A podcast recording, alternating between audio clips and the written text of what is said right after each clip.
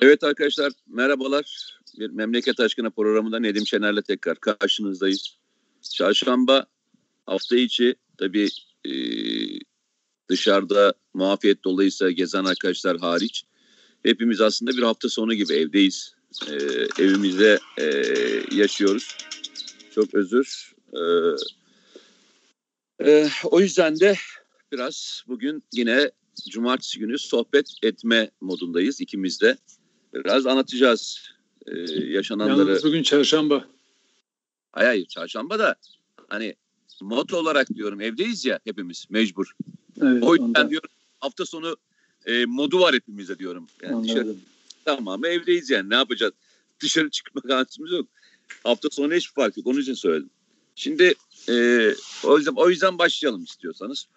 Önce 9.35'te selam bırakan bir arkadaşımız var. Maşallah. Thornton. Kaliforniya'dan bırakmış bu adı. Ya burada bir şey söyleyeceğim. Çok ilginçtir. Arkadaşlar bir tanesi zaten yazmış. Ya sizi izleyen hiç Türk yok mu diye. Bak, Türkiye'den. yurt içinden yok mu diye yazmış. Çok çok şaşırdım. Ben de gerçekten yarısından çoğu yani yüzde sekseni yurt dışı ya da arkadaşlar yazıyorlar. Birileri yazmadığı için öyle gözüküyor bilemiyorum. Ali Kır sana da selam söylüyor.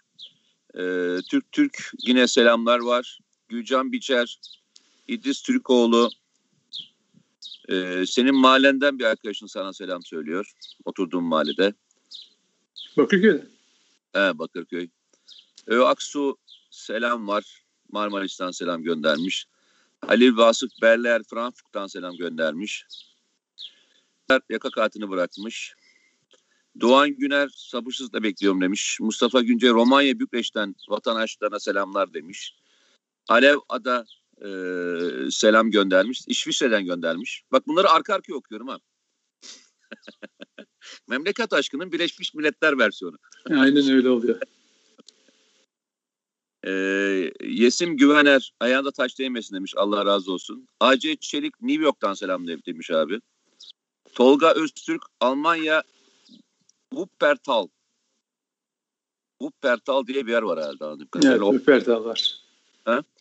Wuppertal diye bir yer var evet. Şehir. Tam bunun altından şey yazmış. Türkiye'den kimse yok galiba diye yazmış. Yok. İşte Bakırköy'den çıktı ya kardeşim bak. He? Bakırköy'den çıktı. Evet. Konya'dan selam göndermiş. Harun Dikmen herkese selamlar demiş. Derviş İncebay selamlar demiş. Hüseyin Aker, İbrahim Yıldız, Hidayet Söğüt Hollanda. Ne kadar ilginç isimler, yerler ya. Dor, Dordrecht diye bir yer herhalde. Fatih Levent, İsmail Akar, Tekin Can, Böyle devam ediyor. Bunlar daha program başlamadan selam gönderen arkadaşlar. Arkadaşlar selamlar, aleyküm selam e, hepinize. Evet, dün e, performansını çok sevmişler senin akşamki pre- performansını Nedim Şener. Sağ olsunlar. Dün akşam e, yaklaşık yine ortalığı. Yok ya şöyle.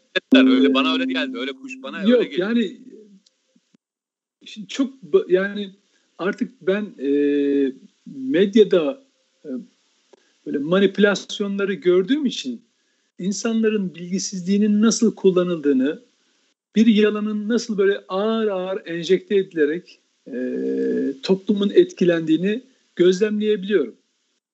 E, bu kadar e, tecrübe sahibi olmanıza rağmen işte medyada Türkiye'nin önemli gazetelerinden birinde işte İmamoğlu'na ellerini arkadan bağladı türbede diye soruşturma açıldı. Bak altını çizerek soruşturma açıldı. Sabahleyin o gündemle. Soranlar da oldu bana "Ya böyle bir şey mi var gerçek mi falan filan diye. Yazan arkadaşlara baktığın zaman yani tabii olabilir ve komik yani gülünç şeyler. Bunlar böyle soruşturma mı olur? Ee, yani böyle hakaret dediğiniz şey böyle kolay hele hele böyle e, işte e, şeye tarihi kişiliklere hakaret falan gibi böyle garip bir soruşturma olmaz falan. Ama işin içinden bazı kokular da gelmiyor değildi zaten. Nitekim e, Büyükşehir Belediye Başkanı'nın basın danışmanı Murat Ongun bunu maalesef doğru falan diye böyle kendine has üslubuyla şöyle inandırıcılığı arttırmaya yönelik bir çabası olduğunu hissediyor, hissediyorsunuz. Yani ben o kişiyi çok uzun yıllardan beri tanırım. Habertürk kuruluş yıllarından tanırım. Bundan 20 yıllar öncesinden tanırım. Kimlerle arkadaşlık yaptıklarını bilirim. Aşağı yukarı ne olduklarını bilirim. Ee, ondan sonra gazeteciliklerini de bilirim. O ifadelerin ne anlama geldiğini de bilirim. O yüzden e, o maalesef bu iddialar doğru gibi bir şey koyunca çünkü senin buna girmene gerek yok. Yani o kişinin buna girmesine gerek yok. Gazeteci yazmış. Varsa soru o şey yapar. Belli haberin kaynağının olduğu da belli zaten. Hissettiriyor yani. Çünkü teyit ediyor. Haberi teyit ediyor. Maalesef doğru diyor. Soruşturmaya yönelik bir çalışma falan filan. Ama şunu söylemiyorsun yani. Ön, bu bir ön inceleme. Gelmiş CİMER'e. CİMER'e bir sürü saçma sapan ihbarlar da geliyor. Benim hakkında da Türklere hakaret etti diye ihbar geldi. Bundan iki hafta önce gittim karakolda ifade verdim. CİMER'e gelmiş yani. Hiç adı sanı belli olmayan birisi böyle sahte isimle yazmış çizmiş e, Twitter'daki bir yazı üzerinden bana Türklere hakaret ettin diye suçlama yöneltiyor. Ben de gittim ifade falan verdim. Yani böyle şeyler ol evet evet öyle yani oluyor. Çünkü hakikaten hasta hasta ruhlu insanlar var. Yani e, oturup sağlık çalışanlarını mesela hastaneye gidiyor adam. Sağ, adam takıntılı ya da bir şey olmuş. Sağlık çalışanlarını şikayet ediyor. Tamam mı? Ya ben doktor tanıyorum. Diyor ki ayda diyor 5-6 tane diyor savunma yazmak zorunda kalıyorum. Oturuyorum diyor. E, şikayet etmişler CİMER'e. Yok Sağlık Bakanlığı ihbar hattına falan filan. Ve insanlar bir e, e, hasta, hastalarla uğraşırken bir yandan da böyle e, gerekli gereksiz şeylerle, ihbarlarla uğraşıyorlar haklarındaki. Hayır ben bir o şey yüzden, şey Bu kadar kolay mı? Kolay evet. Vatandaş şeyden e-devlet üzerinden yapabiliyorsun, internetten yapabiliyorsun. Bir hayır, de, hayır söylüyorum. Hayır, şunu şunu anlatmaya çalışıyorum. Yani isimsiz, misimsiz böyle baş isim, isim yazıyor canım. isim yazıyor yani. Şey var. O yüzden ki bak kişilerin e, bilgilerinin korunmasıyla ilgili konu var ya bu vatandaş numaranızı saklayın, evet. sosyal medyada yayınlamayın. Yani şöyle düşünün. Sosyal medyada çok rahatlıkla bugün bilgisayarla yapılamayacak numaralar yok internet üzerinden. E, sizin vatandaş numaranız isminizle beraber oturur şeye e, ne derler onu adınıza hat bile alırlar. Oturur sizin adınıza şey bile geçerler, ihbar da geçerler. Niye sana ee, mesela siz, terörist demiş olsa seninle ilgili terör, terör soruşturması mı açacaklar? Açarlar tabii. Yani evet. savcılığa tabii canım. Şimdi şöyle Mete şöyle konuşu. Mesela Nedim Şener e, X örgüt. Mesela kim diyelim? İşte PKK'de, işte FETÖ'de bir şey de uydur yani DHKPC'de. Ondan sonra şimdi bir kamu görevlisi ne bu ihbar geldiği zaman ama ne saçma şey bu. E, Nedim Şener'den e, ile ilgili böyle suçlama çok yersiz deyip kenara kaldıramaz ki. Çünkü neden? Bu ihbarı yapan, bak bu ihbarı yapan devamını takip ediyor. Evet. Devamını şöyle e, eğer o orada kapatılmışsa diyecekler ki bu cimer de kapatıldı. Eğer ben sana o zaman soru sorayım.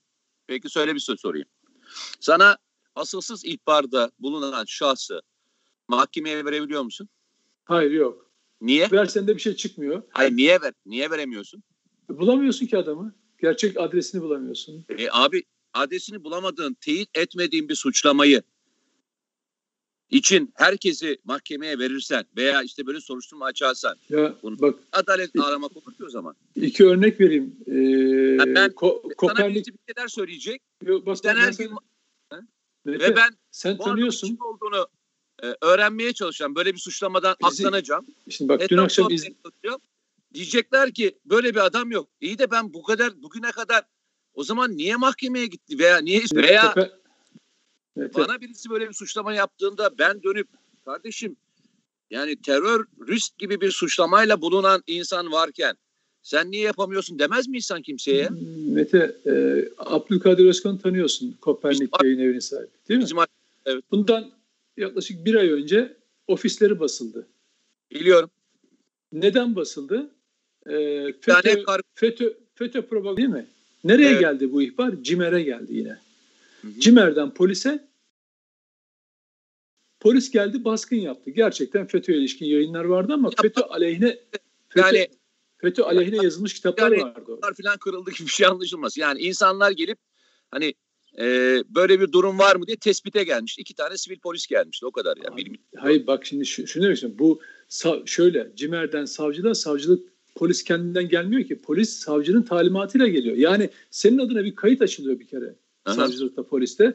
Diyorlar ki burada FETÖ yayını. Evet FETÖ yayını var ama aleyhinde yayınlar var. FETÖ ile mücadele eden yayınlar var. Ama ne oldu? Geldi polis baskın yaptı. Bundan kısa süre önce yine Ahmet Zeki Üçok e, şeyle e, Sözcü Gazetesi'nin Aytunç'la röportaj yaptı. Hı hı. Orada da yargıda FETÖ'cüler var dedi. Oturmuş birisi CİMER'e bunları şikayet etmiş. Adamları gözaltına alıyorlardı ya. Yani gözaltına alıyorlardı. Çünkü bunu keşfetti FETÖ'cüler veya kötü niyetliler veya suistimal etmek isteyenler eee, insanlar burayı keşfettiler. Burada bir denetimsizlik olduğunu gördüler. Sonuçta alıyorlar. Rahatlıkla yakabilirler. Yani ben bununla ilgili dün televizyonda da uyardım. Hatta dedim ki CİMER'i yöneten kimse onunla ilgili bir ihbar yapabilirsiniz ya. Türkiye'de bu yol açık. Ha bununla ilgili ne olabilir? Mesela eğer kişiyle ilgili mesela şöyle diyelim dün akşam onu konuşurken Masum Türker'le konuşurken ne olabilir? Diyelim ki kimi kim hakkında bir bildiği bir paylaşacaksınız ya da şikayette bulunacaksınız? Ee, bir belediye başkanı. Kim bunun ilgili kurumu? İçişleri Bakanlığı. Onun kurumuna doğrudan göndereceksiniz. O kurum kendi incelemesini yaptıktan sonra bunu ön inceleme ve soruşturma aşamalarına götürebilecek. Ya da yoksa kurum bunu inceleyecek diyecek ki bu saçma, sahte, kötü niyetli bir ihbar diyecek atacak kenara. Bunu da karara bağlayacak. Bir kişinin kararıyla değil birkaç kişi bir komisyon tak tak. Ama öbür türlü CİMER'e gittiği zaman CİMER büyük bir havuz. Herkes hakkındaki bilgileri ilgili kurumlarına attık de bakın bu kamu görevlileriyle ilgili bir bilgi bilgi hakkı. Ya Ama abi esasında, esasında bak Gül, Gülüm şimdi şunu söyleyeyim. Yok, bu çok basit bir mantıkla gideceğim. Ben eskiden herhangi birisiyle suçlama yapmak istediğimde savcıya gidip dilekçe verip zaten işlem yaptıramıyor muydum? Ama savcı bunu sizi gelip kimlik bilgilerinizi teyit ediyor, ifadenizi de başlıyor. Söylüyorum. Bak, şimdi, bak onu anlatmaya çalışıyorum. Şimdi bir, yani örneğimi bir müsaade et sonuna kadar dinle. Tabii. Sonra söyle. Türkiye'de zaten birisini şikayet etmek istiyorsan mekanizma kapalı değil ki. Gidiyorsun dilekçeni veriyorsun. Dilekçenle ilgili işleme başlatıyorsun değil mi? Tabii. Hukuken hiçbir sıkıntı yok. Tabii. Peki sen böyle bir havuz açtığında amacın ne? Amaç ne? Bana mı soruyorsun? Evet amaç ne? Yani şimdi bu Cimer, kadar bir Cimer, havuza herkese herkesin e, belki bilgilerini bakmadan bilmiyorum yani sistemini bilmiyorum ama suçlama yaptıktan sonra geri dönüp ya benim hakkımda birisi şikayette bulunmuş ve ben bu şikayetten aklandım. Bu herif kimdir? Ben bunun hakkında yasal bir işlem yapmak istiyorum dediğimde kimlik bilgisini alamıyorum biliyor musun? Tabii. İyi de ya bulan bu nasıl tek taraflı dövüş yani? Tabii. Yani o kadar cesaretin varsa benimle ilgili Evet. veya seninle ilgili Ahmet'le Mehmet'le ilgili ver şeyle dilekçeni. Evet. Savcılıkla gel beraber hesaplaşalım. Şöyle oluyor. Böyle- Savcılığa başvurduğunuz zaman tabii. Yani sen Savcılar suçlanan kişiyi elini kolunu bağla, tabii. itirafçıyı koruma kalkanı altına al. Tabii. İftiracıyı pardon. Ya böyle bir durum olabilir mi ya? Oluyor. Ya Sistem- nasıl olabilir? Gülüm? Oluyor, Ya böyle oluyor. Böyle saçma- oluyor zaten. ben hayatımda O ilk defa yüzden-.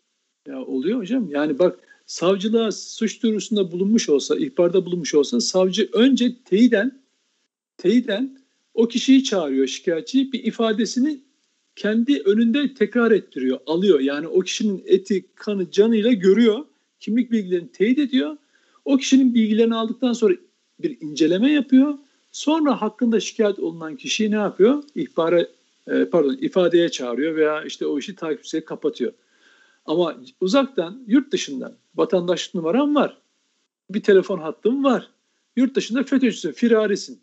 Oturup döşüyorsun abi CİMER'e. Takır takır takır soruşturmalar açılıyor. CİMER üzerinden FETÖ'cülerin Türkiye'deki bu mücadeleyi yapan, FETÖ mücadelesi yapan e, kamu görevlileri ilgili yaptığı ihbarlar var. Hakkında açılan insanların hakkında açılan soruşturmalar var. Yani bunu FETÖ'cüler çok etkili kullanıyor. Adamın işi gücü bu zaten. Adam sistemin sistemi tanıyor, açıklarını da biliyor ve kullanıyor. Şimdi dönersek şeye, e, bu konuya. Ya örnekler de verdim size. E, yargıda FETÖ var dediği için neredeyse Zeki Uçok'la Aytuncu e, gözaltına alıyorlardı. FETÖ ile mücadele konusunda kitap yazmış Abdülkadir Özkan'ın yayın evini polis basıyor. CİMER'e gelen ihbarlar. Bize yansımayan ne çok şeyler var. Öyle ilginç ihbar bana diyor ki mesela ben bazen inanamıyorum bana anlatılan şeylerden. Vatandaş kendi ilindeki üniversite, yargı konusunda bazen çok ciddi şeyleri var. Cumhurbaşkanlığına mektup yazıyor, CİMER'e yazıyor. Aklına gelen bütün kurumlara aynısını yazıyor. Ve ben bazen inanamıyorum. Yani diyorum ki bana şeyi gönderin. Gönderiyor, görüntüsünü gönderiyor, ekran görüntüsünü. Adam gerçekten yazmış ama öyle hani net şeyler var ki. Peki bununla ilgili bir şey yapıldı mı? Hayır. Yani o sistemin içinde nasıl bir havuz, o havuzun içinde kim gerçekten güvenlik soruşturmasından geçirilmesi lazım. Yani o merkezi, o call center gibi gelen e, ihbarları takır takır takır gönderen. Çünkü artık e, dijital dünyada her şey mümkün. Her şey mümkün. Yani e, bir bir ihbarın yani Ama şey gibi hatırlar mısın? FETÖ'cüler ne yapardı özel yetkili mahkemelerde? Bak, devlet özel yetkili ilgili, e, devlet görevlileriyle ilgili e, imzasız e, işte kimlik bilgileri olmayan, adres bilgileri olmayanlarla ilgili işlem yapılmayacak dendi. E hocam bak diyorum ki e, adam yurt dışında. Hayır, e, de, e tamam. E tamam. Diğer vatandaşlar ne olacak peki? Yani diğer vatandaşlarla ilgili e, isimsiz, şeysiz ihbar yapılabiliyor mu? Şöyle, e, bir isim bulmak, bir e, kimlik numarası bulmak, bir, onun adına hat bile açmak. Yani kötü, niyet kötü olduktan sonra her şey mümkün. Adam diyorum sana, milyonlarca insan şu anda firar yurt dışında. Adamların e-devleti de var. Şimdi bak, e, Cimer alır, evrağı gönderir şeye, e, savcılığa. Ya Hüseyin, Nasıl Hüseyin gerek... kim? Hüseyin Demirtaş FETÖ'cü firari askerlerden galiba. Evet. Kaç tane subayın başını yaktı soruşturmalarla biliyor musun? Firari Yok, FETÖ'cü. Ben bir şey soracağım, bir şey soracağım. Şimdi böyle bir suçlama, böyle bir suçlama yapan bir şey varken önüne geldiğinde, evrak önüne geldiğinde sayın savcı o adamı ulaşmaya çalışmıyor mu? Önce bana ulaşmadan veya sana ulaşmadan önce o şahsı ulaşmaya çalışmıyor mu? Şöyle. E, zaten mesela bana e, savcılık polise talimat vermiş ifademe başvuruyor. Mesela ben savcılığa evet. ulaşmış savcılık bana ulaşıyor. Kim üzerinde? Hayır, Polis üzerinde. Savcı önce ihbarı yapan kişiye ulaşıp Hayır. Hayır. ya bu gerçek mi? Bu adam var mı gerçekten Hayır. diye sorma gereği hissetmiyor mu? Hayır bak Cimer, Cimer zaten bunu kabul etmiş, ihbarı almış, savcılığa aktarmış. Savcılık e, işlem neyi gerektiriyorsa ifade almak mı gerektiriyor, yakalama mı gerektiriyor, neyse onu yapıyor. Sa- şöyle olsa tamam. Aynen onu söylüyorum. Normal bütün sistematikte, hukukta, hukukta şöyle bir şey yok mu? Suçlamayı yapan şahsın birebir görmeden sen nasıl e, suçlanan şahısla ilgili önce ifadeye çağırırsın? Ben onu anlamıyorum. Sistem önce suçlayan kişiyi almak değil mi ya? Ben mi yanlış biliyorum bu işi? İşte öyle olmuyor. İşte iş öyle olmuyor. Yani Nasıl? doğrudan hukuk tersine mi döndü? Yok kolay şu bak hocam. Sana rakamlarla söyleyeyim ben. Ee, 15 Temmuz 16 bin kişi 15 Temmuz'dan sonra alındı. Tamam. Ve bunların içinde her meşrepten insan var. Bu önemli değil. Önemli olan tecrübe işte. Yani sizin bir soruşturma geldiğinde ne yapacağınız, uygulamanızın ne olacağı, bazı maddi hatalar da yapılıyor. Yazım hataları bile yapılıyor. Bak ne diyorum, 16 bin kişi mevcudun iki katı 15 Temmuz'dan yani tecrübesi 4 yılda sınırlı hocam. Şimdi böyle bir yargıyla çalışıyoruz. İnsanların bu tecrübesizliğini anlayabiliyorum. Ama işte kamuoyuna da yansıyınca böyle konular tartışıyoruz. Çünkü birçok şey bundan yani normal bir e, savcılıkta böyle bir ihbar geldiğinde ya denir ki bu nedir bu ne saçma. Hatta der ki bu usulle uygun ihbar değil der, e, şikayet değil der, red bile edebilir. Yani. Kendisi doğrudan kapatabilir de şey soruşturmayı. Ama adam endişeleniyor, korkuyor. Gelmiş bana diyor. Hani üstümden atma var ya bürokraside. Ya benden değil de mülkiye ara mesela bu olayda mülkiye müfettişler araştırsın. ilgili kurumu orası. Ben gelen rapora göre dava açarım ya da açmam. Soruşturma pardon, soruşturma açarım veya açmam. Diyor bekliyor. O kadar basit. Ya Abi, emin olun gidin görünmüş arkasında yine türbeye gezerken arkasında olduğu diye Bir Bak, saygısızlıktan dava açılan bir örnek var mı ya? Bunu yok, ya yok öyle bir şey. Olmaz zaten. Böyle bir ya, şey. Bak ya şöyle. karşılığı olmayan bir şey Olmaz. ya. Olmaz. Tabii. Saçmalık. Ya bu saçmalığa bu ıı, dönemde atılabiliyor. Niye? Burada sistemin bir aklı değil, akılsızlığını gösteriyor. Ben sana bahs maddi maddi gerekçelerle söylüyorum. Yani e, 13 bin kişiden inmiş rakam 8 bine, bugün rakam çıkmış 24 bine. Şimdi tecrübe bu kadar. Yani bizim sanıklığımız şu anda bizi yargılayacak hakim ve savcılardan kat kat fazla. Hatta 4-5 kat fazla. Ben 20-20-25 yıllık sanığım mesela. Sanığım. 20, tabii 20-25 yıl, tabii 20-25 yıldan beri yargılanıyorum. Çok iyi. Ama benim karşıma çıkmış 2 yıllık savcı. Benim ifademi alacak. Yani ben ben düzeltiyorum. Öyle değil. Şöyle yazmak lazım. Böyle yazmak. Şunu yazalım falan filan diye yazmak, söylemek zorunda kalıyorsun. Gencecik çocuk karşında oturuyor. Senin ifadeni alacak. Eskiden böyle değildi. Yani bazı konulara so yani tecrübeli soruşturmalar, hele hele kamuoyunda tartışmaya neden olmamak için bazı soruşturmalar çok tecrübeli savcıların eline gider. Siz ona göre bir şey yaparsınız, durum alırsınız. Ama şimdi öyle değil. Şimdi geliyor savcılıklarda, kalemlerde, orada burada şaşkın şaşkın. Yani ben bazen yargılamaya çıktığınız zaman hakimlere falan bakıyorum. O kadar genç ki belli tecrübesi oldu. Zaten sicil numaralarından belli oluyor yani. Dolayısıyla e, böyle bir sıkıntımız var. Şimdi konuya dönersek. Dön abi. Burada fecaat olan işin bir cimer, yargı boyutu, işte soruşturmanın gereksizliğini anlattık. Asıl mesele şu, e, bütün ger yani hep şöyle yapılıyor. Algı operasyonu nasıl yapılıyor? Size bir miktar gerçek ama daha büyük bir yalan veya algı enjekte ediliyor. Yani İmamoğlu türbeye gitmiş mi? Gitmiş. Bir saygısızlık görüyor musunuz? Yok. Ama bir bir tane birisi kimse o bir şikayette bulunmuş. Buraya girdi saygısızlık yaptı. Şöyle davrandı falan filan. Tamam. ihbar gitmiş. Efendim e, bu şeyden Cimer'den savcılığa ulaşmış. Savcılık da demiş ki buna soruşturma açmaya gerek yok. Önce bir mülkiye müfettişleri incelesin. Çünkü ilgili kurum orası olduğu için incelesin diye. Onlar da incelemeyi başlatmışlar. Şeyden de e, İmamoğlu'ndan da savunma istemişler. Peki biz bunu gazetede haberinde nasıl okuyoruz? Soruşturma açıldı. İçişleri Bakanlığı devreye girdi, soruşturma açtı, bilmem ne falan filan. Ya bunun CİMER'den kaynaklanan bir ihbar. Savcılığa ulaştığını, savcılığın soruşturma açmadan ön incelemeye için mülkiyeye gönderdiğini, oradan gelecek rapora göre savcılığın e, şey de açabilir. E, nedir o? Takipçi kararı da verir. Muhtemelen öyle verecektir. Çünkü daha önce de böyle şeyler oldu. Verdiler.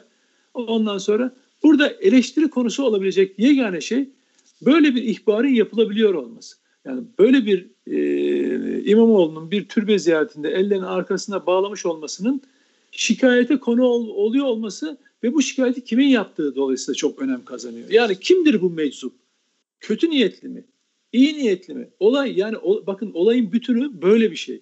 Ama olaya şöyle yaklaşırsanız sabahleyin gazeteyi açıyorsunuz. Diyor ki İmamoğlu'na soruşturma. Niye? Türbe ziyaretini ellerinin arkasına bağlamış. E, tarihi kişiliklere işte Fatih Sultan Mehmet'e saygısızlık yapmış. Diyorsun ya böyle saçma soruşturma mı olur? Şu anda yargı üzerinde öyle bir algı oluşturuldu ki bak bunun devamını göreceğiz. İtibarsızlaştırma yani Türk yargısını itibarsızlaştırma üzerine öyle büyük e, senaryolar yazılıyor ve öyle şeyler oynanıyor ki böylece Avrupa Birliği, Amerika Birleşik Devletleri, yurt dışındakiler, vakıflar falan sürekli Türk yargısının verdiği her kararı diyecekler ki bu burası böyle. Burada yargı falan yok. Burası yargı, e, hukuk devleti falan değil. O algıyı oturtuyorlar. Yavaş yavaş buna çalışıyorlar. İşte bu tür soruşturma açıldı haberleriyle de buna yol açılıyor. Ama biz e, okuduğumuz zaman gerçeğin ne olduğunu tamamını görüyoruz. Ortada bir soruşturma yok. Mülkiye müfettişinin bir incelemesi var. Savcılık takipçisi karar verip olayı kapatacak. Ama ne oluyor? Türk yargısına, Türkiye idaresine, kamu idaresine büyük bir itibarsızlaşma operasyonu çekilmiş oldu ve biz bunu günlerden beri konuşuyoruz. Ne yapıyor bunu haberi servis eden e, Büyükşehir Belediye Başkanlığı'nın basın müşavirliği ne yapıyor? Buna hizmet ediyor. Bak buna hizmet ediyor. Sen bunu gazeteciye vereceksen böyle bir ön inceleme başlatmışlar. Ama bu CİMER'den gelmiş. CİMER'den savcılığa, savcılıktan müfettişe gelmiş. Muhtemelen böyledir ama şunu eleştirmen lazım. Ya Türkiye'de birisi kötü niyetli de olabilir. Böyle bir ihbarda bulunmuş. Eğer gerçekten bir gerçek e, kimliği belli olan bir kişi ise bu nasıl zihniyettir diye bu ihbarı yapanı eleştirmek gerekiyor. Hukuki prosedür uyguladığı için e, evrakı or, oraya buraya göndermiş olanlar evet eleştirilebilir belki. Ama asıl ya diyeceksin ki bir gerçekten ismi cismi belli birisi bu ihbarı yapmışsa bu nasıl bir zihniyettir? İnsan böyle bir hakaret suçu işlemiş olabilir mi? Böyle bir şey olabilir mi? Nasıl böyle bir ihbarda bulunabilirsin? İki, bu ihbarcının kimliğinin açığa çıkmasıyla belki de tam da bu yaratmak istediği kaosu amaçlayan bir kötü niyetli kişi olabileceği, hatta bir başka gruba hizmet ediyor olabileceği aklınıza gelmiyor mu? Çok kolay çünkü diyorum size çok kolaylıkla bugün e, Türkiye'de FETÖ'yle mücadele eden önemli kamu görevlilerinin hakkında FETÖ'cü ihbarlarında bulunan FETÖ'cüler var. Bak yurt dışından söylüyorum. Hatta bunu bakanlıklara doğrudan da mektupla da gönderiyorlar ve o bakanlıktaki hukuk müşavirlikleri oturuyor. En iyi şey yapıyorlar yani. Tabii. Oturup damga basıyor, incelemeye sevk ediyor. Ve ifade verdiğini biliyorum.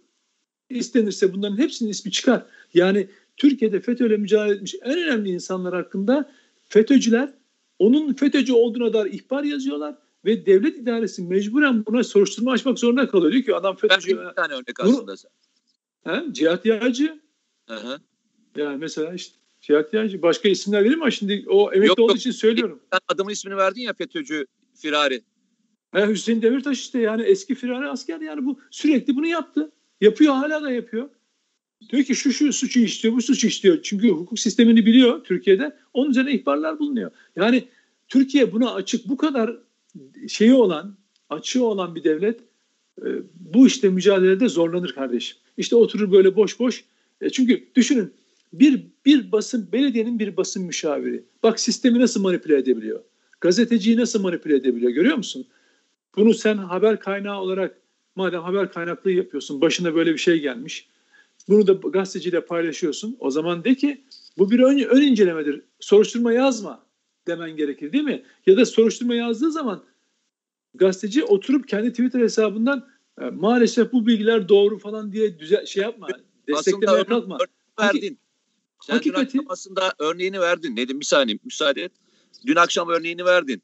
Geçmişteki örneklerle nasıl manipülasyonlar yapıldığını örneğini verdin. Tabii, ben tabii. sana bir daha kuvvetli bir örnek vereyim. Daha kuvvetli bir örnek vereyim. Hatırlıyor musun?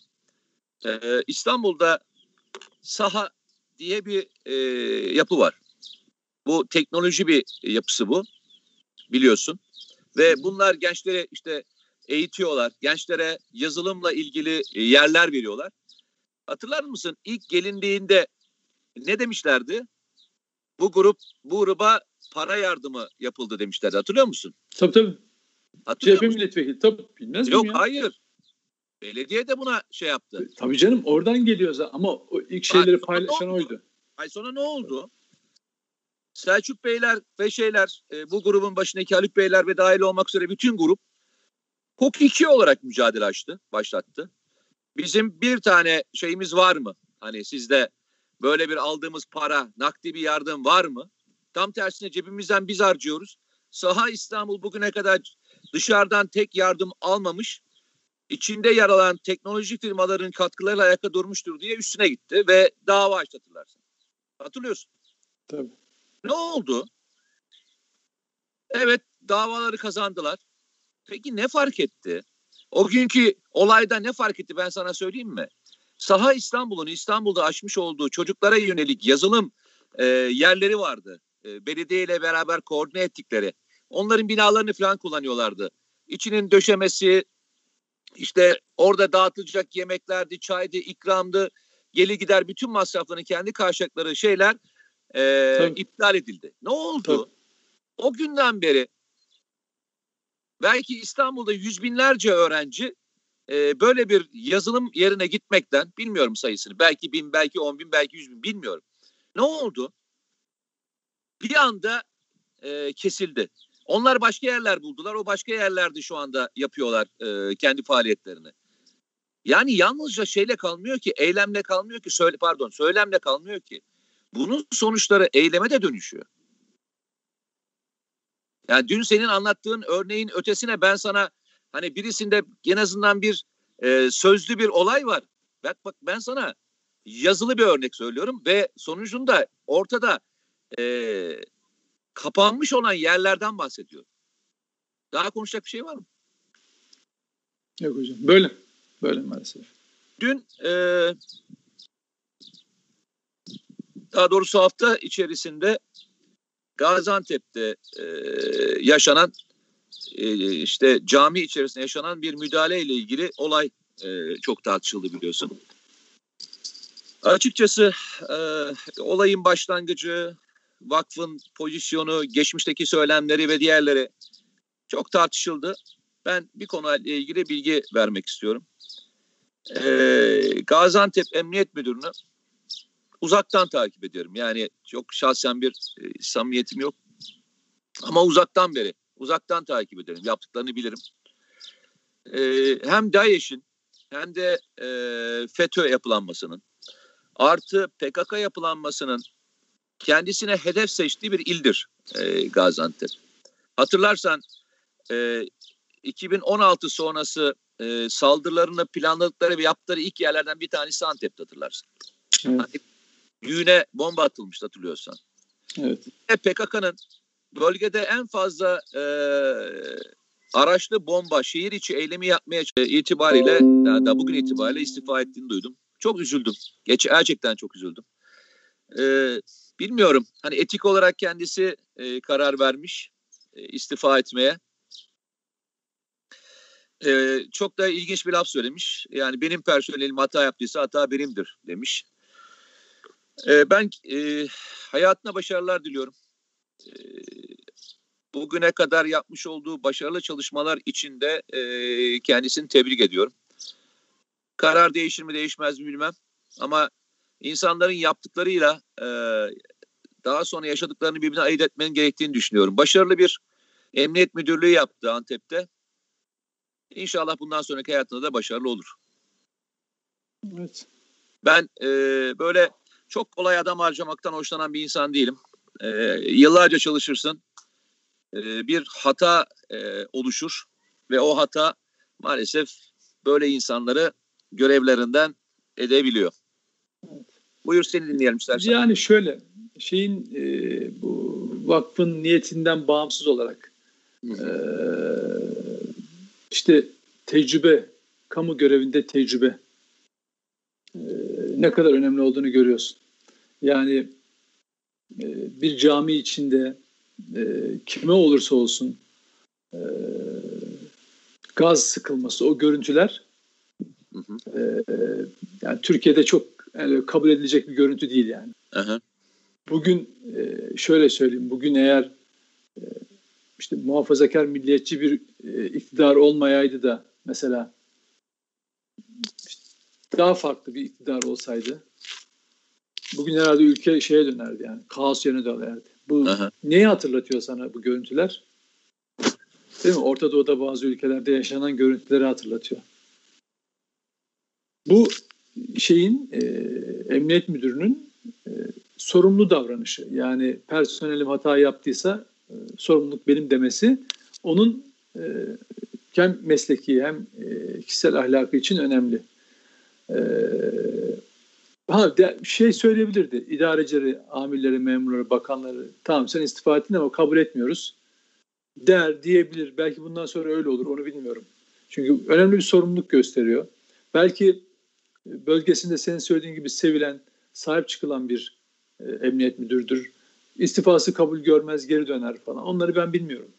E, ama e, şeyden sonra bu Fethullahçı terör örgütünün e, topluma verdiği zarar gibi asıl önemlisi Türkiye'deki bürokrasiye öyle büyük bir zarar verdi ki onlardan doğan boşluğa mecbursun. İşte deminden örnek verdim. 13 ee, bine düş 13 civarında hakim savcı 8 bine düşmüş. Sen onun iki katını alıp takviye ediyorsun ve bir sürü yargıda tecrübesizlikten hatalar doğuyor. Emniyet personelinde de bu var. Genellikle bak şöyle söyleyeyim. %99.9'u şey yok. Kusursuz devam ediyor. Hiç şeyi yok.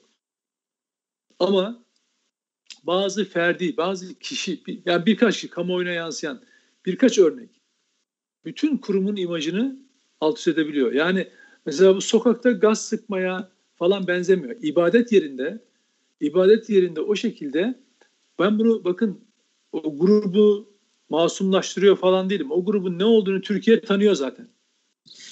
Orada 10 gün boyunca bir ibadet çıkmadan ibadet yapma şeklindeki yani yapacaksan git evinde yap, evinden 10 gün çıkma falan filan. Bir sürü şey öneride bulunabilir. Ama caminin içinde o görüntüyü Türk e, Türkiye'de kabul ettiremezsin topluma. Ve bu eğer e, şöyle yani hükümet e, ya da bakanlık görevden almamış. Zaten e, Sayın Emniyet Müdürü bir sorumluluk göstermiş, istifa etmiş. E, çünkü niye? Diyor ki elemanımın yaptığı hata. Hata olduğunda zaten kendi kabul ediyor. Yani e, eminim eminim ki mesela bunun bir benzeri Boğaziçi'deki eylemler sırasında olmadı mı? Orada kapıyı kapı girişini engellemek için e, kelepçe taktı değil mi bir polis? Ne oldu? O olay hem de e, en olmayacak günde o onunla anıldı. Yani sembolleşti. O yüzden e, bunu yapanlar da iyi midir, kötü müdür, kötü niyetli midir, iyi niyetli midir falan filan diye söylemiyorum. Uygulamanın kendisinin yarattığı etkilerden bahsediyorum. Yani şunu söylüyorum.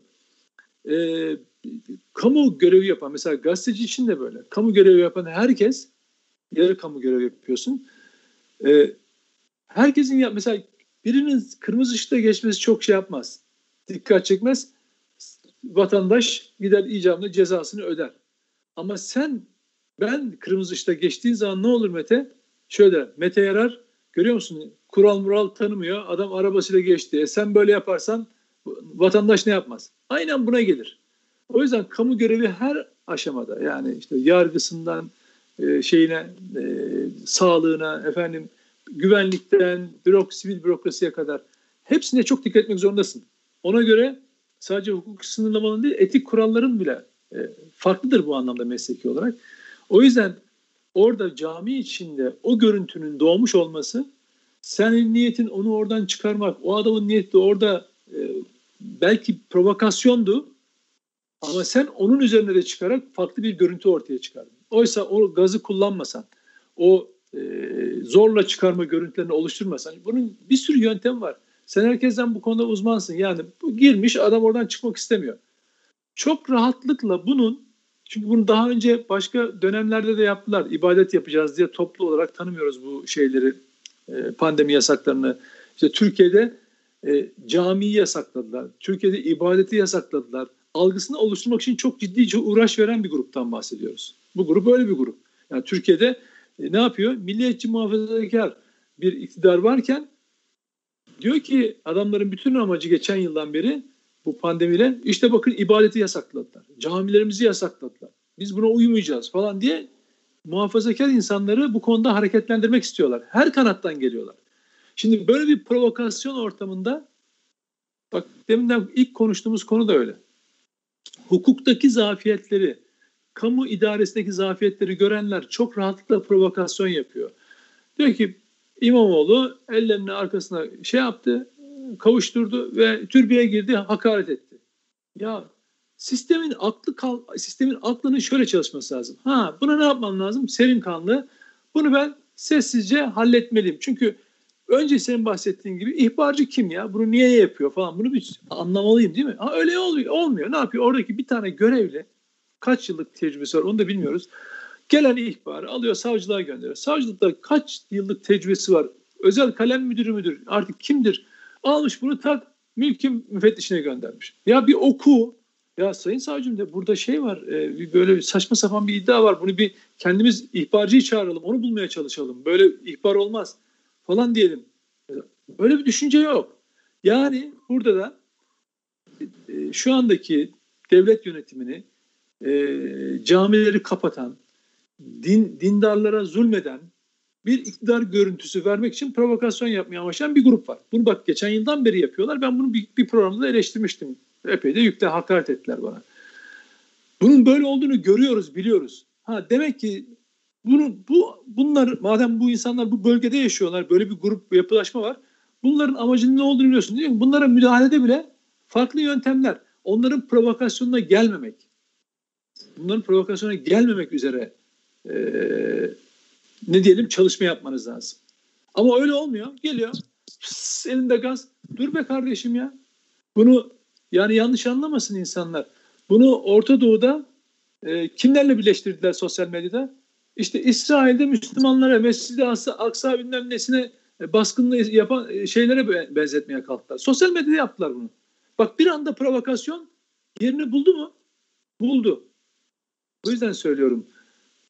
Yani şimdi, şimdi her, bütün bütün bu mücadelelerde bir cumhurbaşkanlığı sistemi var. Cumhurbaşkanı her şeyin başında duruyor. Aşağıda herkes ne kadar tecrübe sahibiyse o kadar devlet yönetimine katkıda bulunmaya çalışıyor. Bak yine söylüyorum. Bugün ben dün akşam yine yayından dönerken falan bekçi arkadaşlar çevirmeler falan yapıyor. Yani mesela geçiyoruz oradan değil mi? Biraz daha nazik olabilir mesela. Biraz daha na bunu içeride benim olduğumu görmüyor. Önemli değil. Beni tanımıyor. Ben arkada oturuyorum. Ve o önemli değil. Ama mesela ulaştırmadaki arkadaşı biraz da iyi akşamlar falan deyip biraz şey yapabilir. Ama şöyle giymiş zırhlı kıyafetleri böyle falan kendini bir aslan zannediyor. Işığı gözüne tutuyor. Ya dur bir şöyle bir dur yani bir çünkü pandemiden dolayı bir yol kontrolü yapıyorsun. Zaten ben kötü niyetli olsam beni dur dur dediğin zaman durmam ki. Geçer giderim basarım üzerine sürerim arabayı değil mi? Yani e, şey aman abi gözüne tutuyor. Kimlik. Nereden falan. Ya dur. Yani o içindeki enerji, gençlik enerjisini buraya boşaltma. Yani biraz daha sakin ol. Biraz bu insan çünkü çok fazla sayıda insan alındı ve her gün alınıyor. Yani emniyete, şuraya buraya bak. Orada da yapanlardan işte polis var. Polis yapmıyor, bekçi yapıyor. Niye?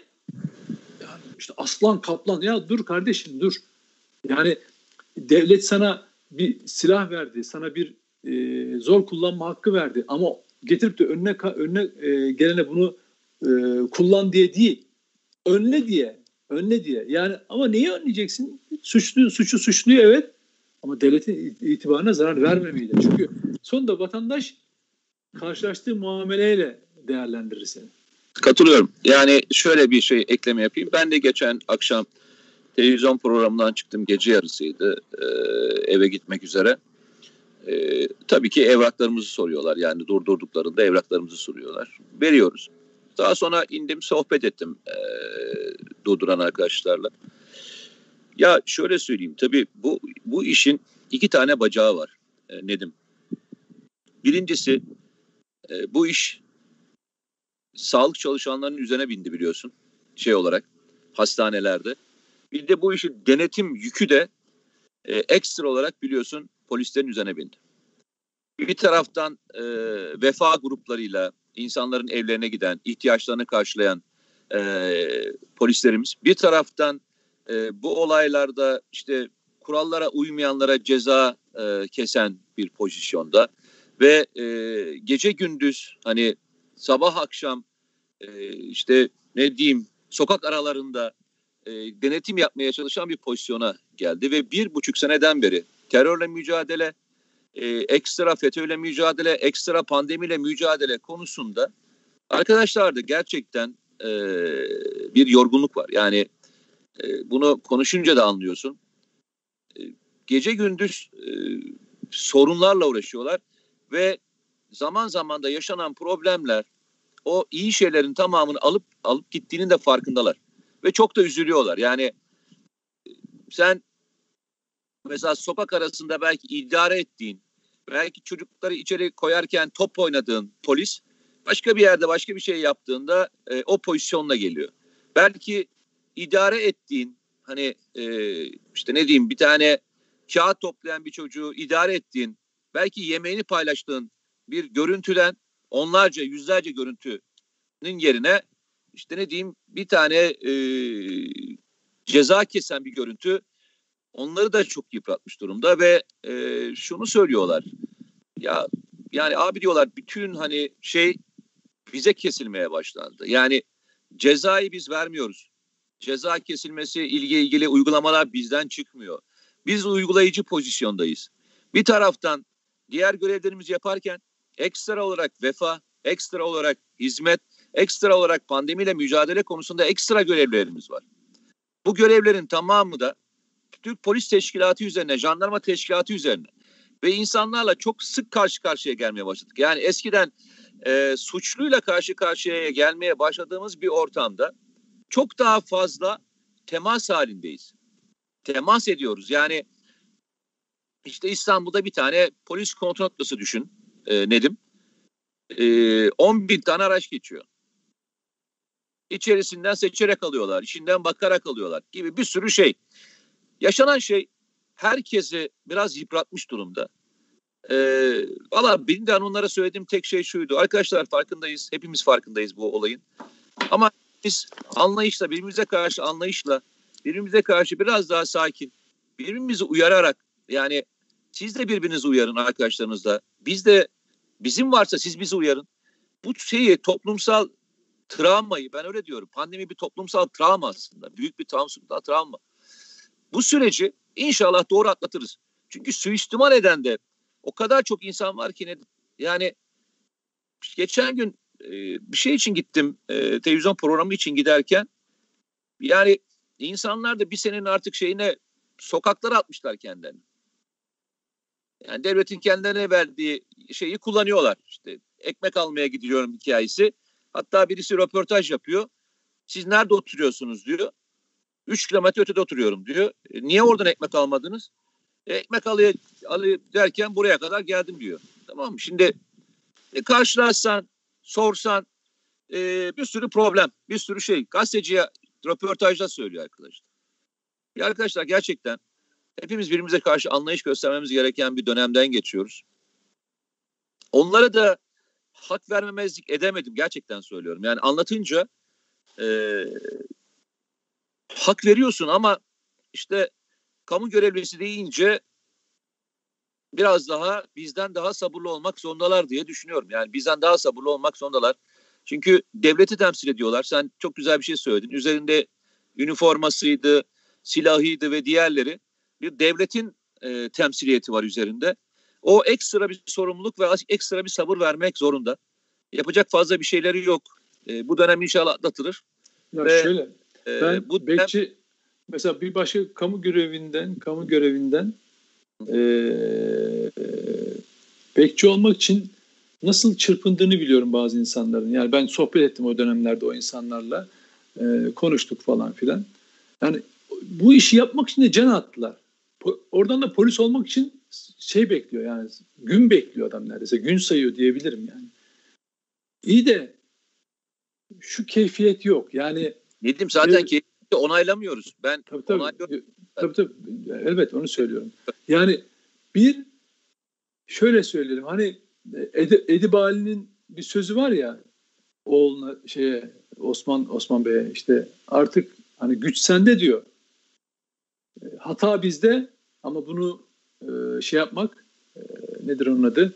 E, hoş görmek sende. Yani biz hatalar yapacağız, biz şeyler yapacağız, biz ağır konuşacağız ama onu alttan almak sende. Yani devlet görevlisi olmak bu iste, basit bir memurdan şeye kadar olmak olmak için can atıyor insanlar. Yani oraya girmek, devlet garantisine çalışmak, 650 sayılı yasaya tabi olmak can atıyor. Ama bunu aldıktan yani bu insanların mesleki tecrübesi kaç yıl? Birkaç yıl, bir iki yıldan fazla değil tamam mı? Bahsettiğimiz türden insanlar. Arkadaş 20 yıldan beri adam terörle mücadele edeni var.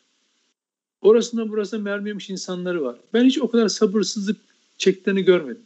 Ama çok kolay sabırsızlanma, şikayet etme falan. Anlıyorum onlar da genç. Ama unutmayasın ki sen üzerinde devlet sorumluluğu taşıyorsun. Unutma ki vatandaş hata yapacak, sen onu uyaracaksın. Bak ne oluyor? Ee, bir tane vatandaş şeyde e, neydi onun adı? Ee, bir tatil yöresinde denize girmiş ceza yazmışlar. Günlerce bunu sosyal medyada konuşuldu. Mesela bak Sivas valisi ne yapmış? Bak yani limon, Sivas limon tabii vatandaşı görmüş limon satıyor. Onu evine göndermesi lazım. İki türlü şey yapabilir. Ceza yazıp evine gönderir. Ama o ne yapmış? oturmuş limonları satın almış hadi şimdi evine git demiş. Ceza da yazma falan yok. Limonları satın almış parasını da cebine koymuş adama demiş ki evine git şimdi. Bak devlet adamlığı böyle bir şey biliyor musun? Bu bu neyle olur biliyor musun? Ne etik, ne hukuk, ne yönelge, ne genelge. İrfan ile olur. İrfan. Devlet yönetmek irfan işidir. Yani Eyvallah. Anadolu irfanı budur işte biliyor musun? Eyvallah. Biz bu örnekleri çoğaltamadığımız için gözüne ışık tutuyor böyle tutuyor Amerikan filmlerindeki gibi çömlek falan filan diyor. Ya adam şimdi arabada oturuyorsun kimliği uzatıyorsun yüzüne bakayım. Eğiliyorsun böyle yüzüne bakıyorsun falan. Ne gördün yani beni yan çevirip de fotoğrafımla mı yan çevirdin? Nasıl baktın? Yani bak vali vali vali vatandaşın ayağına gitmiş limonlarını satın almış Sivas valisi. Demiş ki evine git. Ama oturuyor bir zabıta ya da bir e, şey gü- güvenlik görevlisi Datça'da vatandaşı kardeşim yasak evine git diyeceğine pat ceza yazıyor.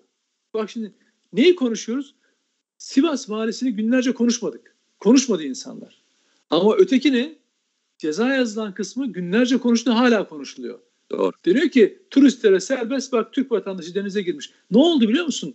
Senin kamu idarene kamu idarene bir çentik daha attılar. Ya bu ülkede zaten kendi vatandaşına bile adalet yok. Bak yabancılara ceza yazmıyorlar ama bir, evet. bir kişi denize girdi diye olay böyle hocam. Algı böyle yönetiliyor. Ülkenin altını böyle oyluyor. Ve şu var bu provokasyonlara geliyor bu sistem. Bunu anlatmaya çalışıyoruz. Peki. E, Nedim çok teşekkür ederiz. E, çarşamba günü e, bir memleket aşkına programını daha bitirdik. Arkadaşlar çok teşekkür ederiz. Yani bazen e, büyük büyük hani konular vardır. Bazen küçük konular vardır. Büyük gözükmez ama e, yarattığı algı ondan çok daha büyüktür. Tabii. Konuştuğumuz, bugün konuştuğumuz konu belki e, sizleri bazı arkadaşlar tatmin etmemiş gördüğüm kadarıyla. Ama arkadaşlar öyle düşünmeyin. E, pandemi süreci Türkiye'deki bütün dengeleri bozdu. Ekonomik, sosyal, e, psikolojik bütün dengeleri bozdu. Bu konu bence Türkiye'nin birinci önceliği zaten. Yani pandemiyle mücadele etmek Türkiye'nin birinci önceliği. Türkiye'de bugün insanlara sorsanız ne e, terör ne de başka bir şey. Pandemi ve pandeminin yaratmış olduğu sorunlar e, tartışılıyor. O nedenle biz de birinci önceliğimizi aldık. E, yaşanan her şeyi birer birer konuşup e, bu süreci doğru yönetmeye, çalışmaya, en azından elimizden geldiği kadar emek harcamaya çalışıyoruz. E, hata ettiysek de affola diyelim. Kendinize iyi bakın. Cumartesi inşallah bir kaza bela olmazsa bir araya tekrar gelmek üzere. Görüşmek üzere Nedim. Kendine iyi bak. Görüşürüz. Sağ olasın.